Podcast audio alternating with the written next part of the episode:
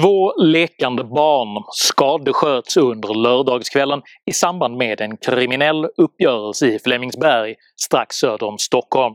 Två små barn skottskadades igår kväll när de var ute och lekte i Flemingsberg söder om Stockholm. Dådet fördömdes på sedvanligt vis av alla. Fruktansvärt. eh, en djup eh, tragedi. Men uppfattningen om hur denna typ av oacceptabla tragedier kan undvikas går isär. Jag heter Henrik Jönsson och jag är en oberoende libertariansk entreprenör och samhällsdebattör. Alla är nu utleda på att höra politiska och mediala fördömanden av Sveriges skenande våldskriminalitet. Men vad ska till för att verkligen förändra situationen på riktigt?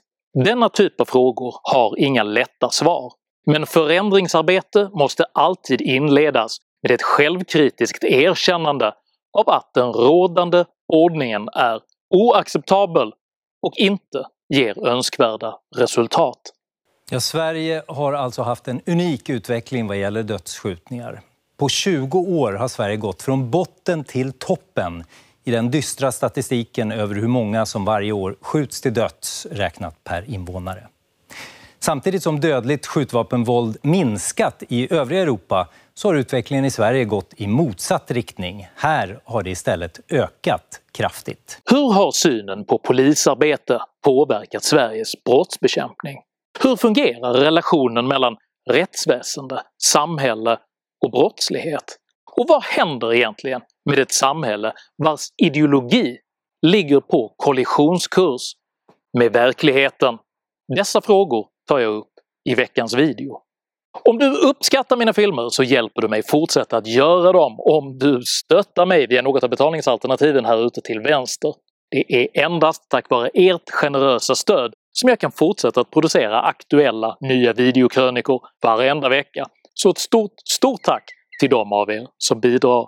Är du ny här på kanalen kan du dessutom med fördel prenumerera här nedanför. Se även till att klicka på den där odugliga notisklockan.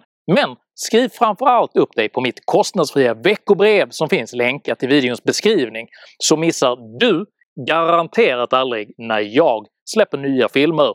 Vilket jag gör med laglydig punktlighet varenda lördagsmorgon klockan 08.00 svensk tid.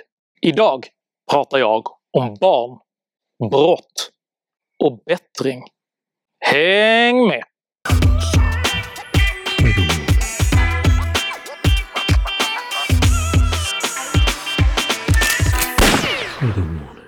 Följande är ett axplock av fall då oskyldiga har drabbats av Sveriges eskalerande våldskriminalitet under det senaste decenniet.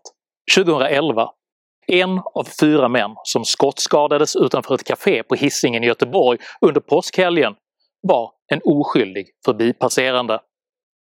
2012 Polisen konstaterar att ett av offren för skjutningarna den 3 januari i Malmö sannolikt har dödats av misstag. Detta gäller mordet på en 48-årig man som sköts ihjäl på Kantatgatan i stadsdelen Lindängen. 2013 en skjutning vid Kornshalls färjeläge riktades mot fel person. Dessutom befann sig två små barn i akut fara när kulorna flög runt fastigheten. 2014 en ung man i Johannesberg skjuts sannolikt av misstag halv nio på morgonen i samband med att han lämnar sin bostad.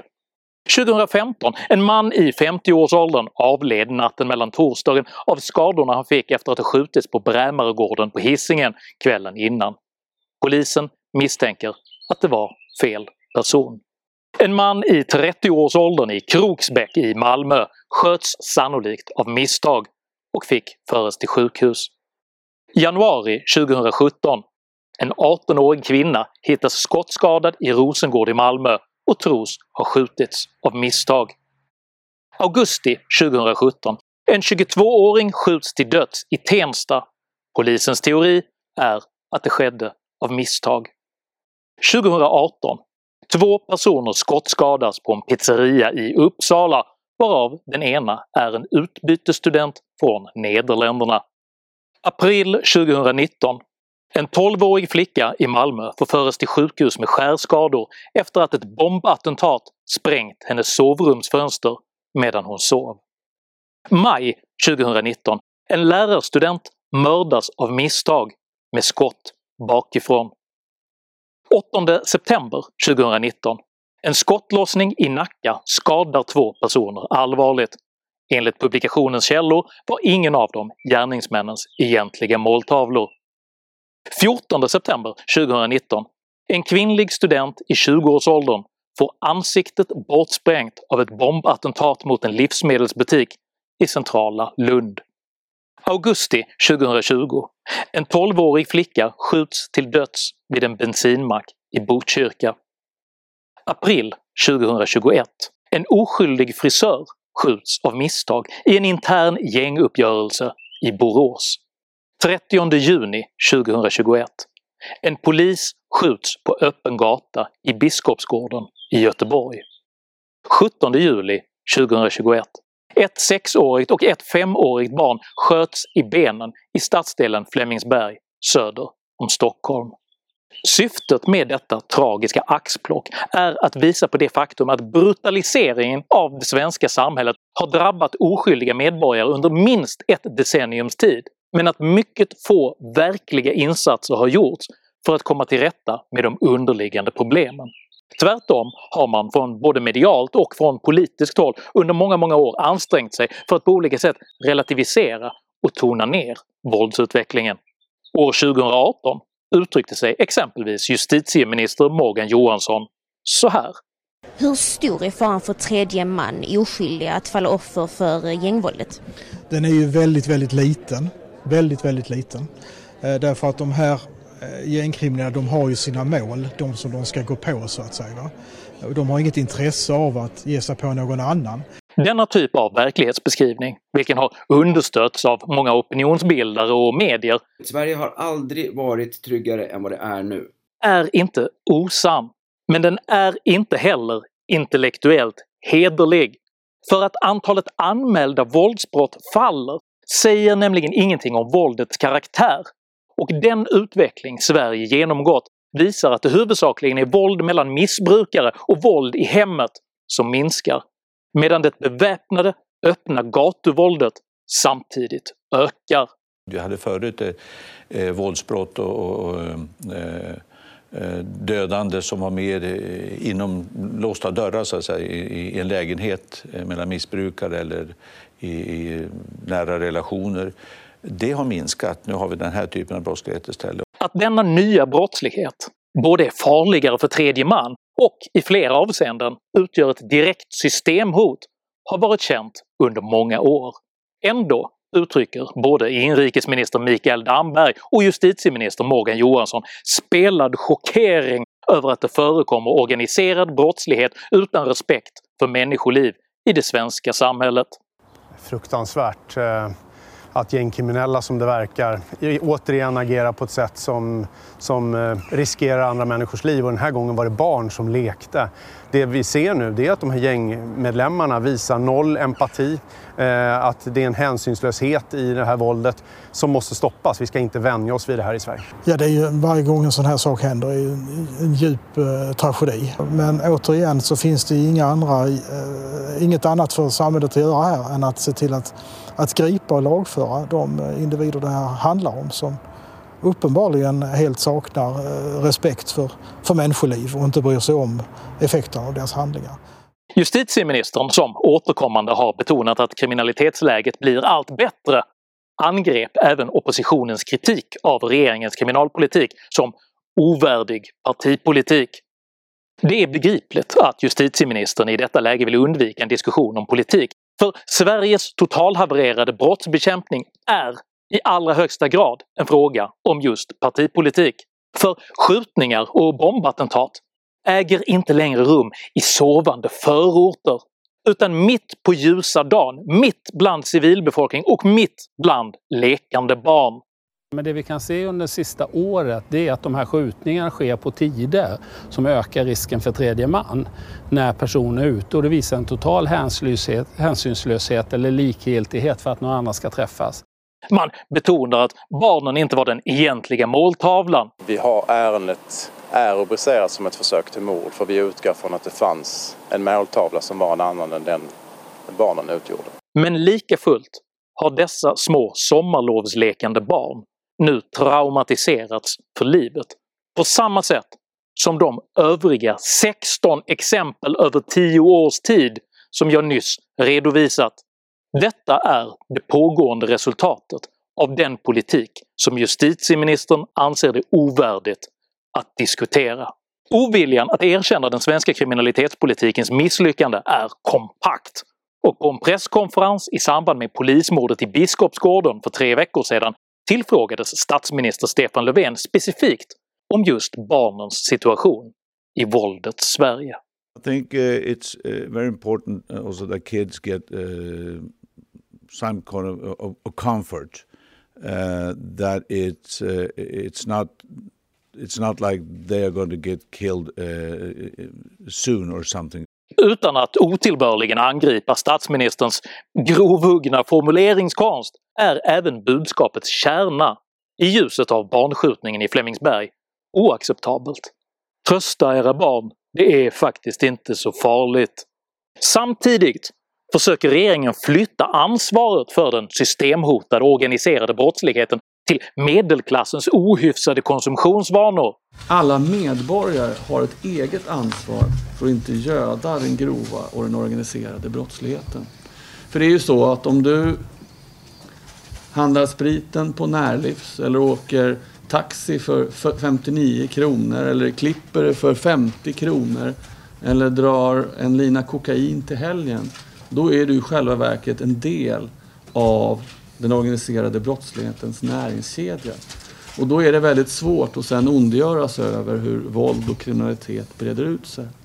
Men dessa ständiga relativiseringar, förminskningar och överslätningar motiveras inte endast av politisk opportunism utan är även grundad i en ideologisk oförmåga att förhålla sig till en verklighet som inte stämmer överens med socialdemokratins grundläggande verklighetsbild.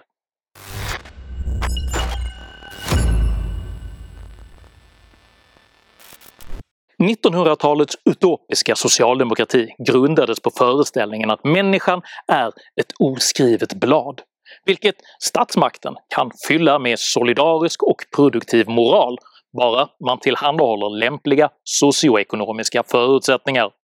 Denna människosyn uttrycker en form av idealiserad kollektivism där alla typer av samhällsproblem kan och bör korrigeras genom social ingenjörskonst och omfördelningspolitik.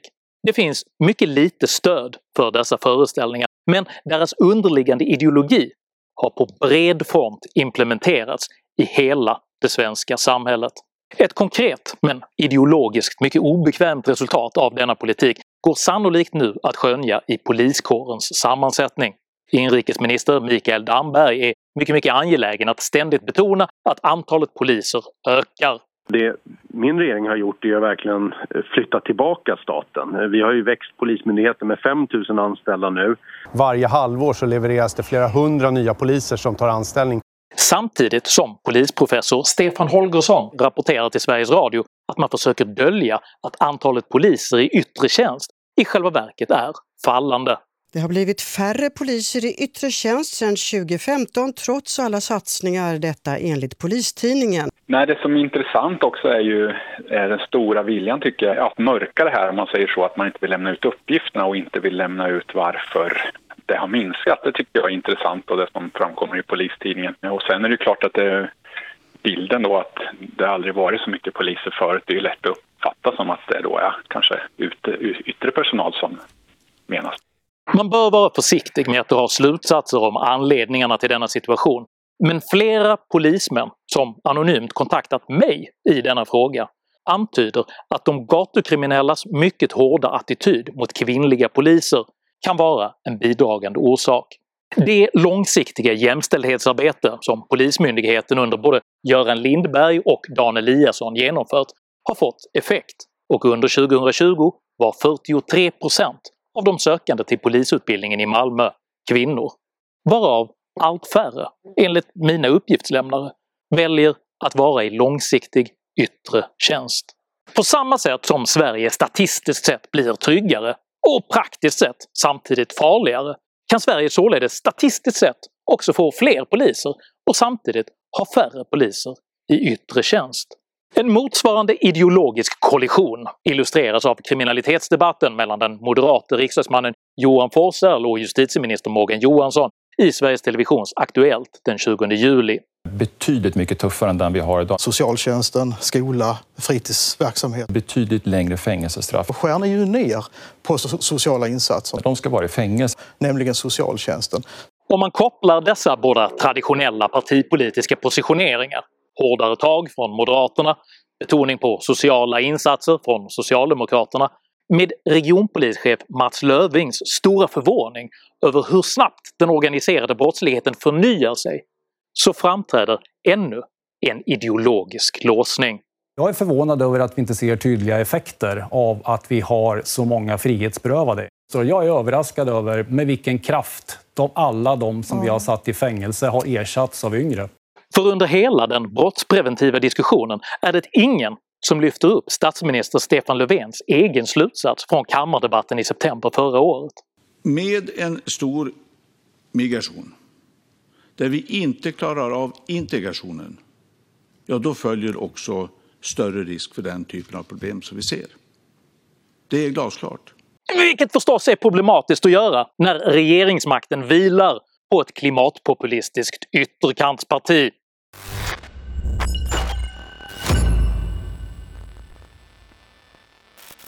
Den sista panon i denna verklighetsfrånvändhetens triptyk illustrerades den 13 juli när advokaten Edip Samuelsson, som länge rättsligt försvarat medlemmarna i Ali Khan-nätverket, nyligen fråntog sin titel som advokat efter att ha läckt information till ett vittne.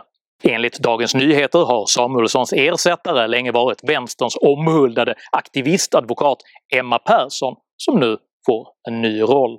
Advokatsamfundet ville inledningsvis endast bötfälla Samuelsson med 50 000 kronor och uteslutningen verkställdes först efter att ärendet oberoende hade drivits av justitiekanslern.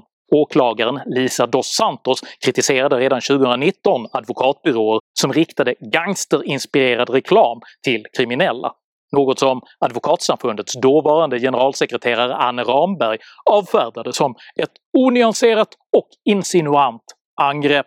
Jag säger inte att dessa individer är mer aktivister än advokater och att deras agerande skadar Sverige, men det är mycket angeläget att rättsväsendets status och förhållande gentemot organiserad brottslighet kritiskt börjar granskas. När statsministern via Facebook så låter hälsa att han är förtvivlad och att det intensiva arbetet med att trycka tillbaka den grova kriminaliteten fortsätter med full kraft och vi ökar takten ytterligare. Vi kommer aldrig att backa. Så uppfattas sannolikt detta som mycket goda nyheter inom den organiserade brottsligheten. För om Sveriges rådande ordningsmässiga impotens representerar det intensiva arbetet, om försynta justeringar av den existerande ordningen innebär full kraft och om ministrarnas falska klagosång är att aldrig backa, Mm. då kan ingen politisk Viagra-kur i världen få till en rättslig resning robust nog för att på allvar kunna penetrera den organiserade brottsligheten. Jag säger inte att Sveriges politiker under decennier bedrivit politik baserad på en verklighetsfrånvänd ideologi vilken både överbelastat integrationskapaciteten, försvagat ordningsmakten och underminerat förtroendet för rättsväsendet. Jag säger inte heller att man avsiktligt försökt dölja konsekvenserna av den politik man fört samtidigt som man under åratal aktivt agerat för att stigmatisera och underminera alla som försökt problematisera situationen. Och jag säger absolut inte att man prioriterar upprätthållandet av den oeniga regering som håller Socialdemokraterna kvar vid makten framför möjligheten att vidta åtgärder som faktiskt skulle kunna förhindra att fler oskyldiga drabbas av våldet. Men oavsett vad som ligger bakom Sveriges rådande situation säger jag förändringsarbete måste alltid inledas med ett självkritiskt erkännande av att den rådande ordningen är oacceptabel och inte ger önskvärda resultat. Tycker du det är angeläget att Sverige byter kurs i hanteringen av den organiserade brottsligheten? I så fall tycker jag att du ska dela den här videon med dina vänner och varför inte prenumerera på min Youtube-kanal när du ändå är i farten. Har du egna erfarenheter av den organiserade brottsligheten?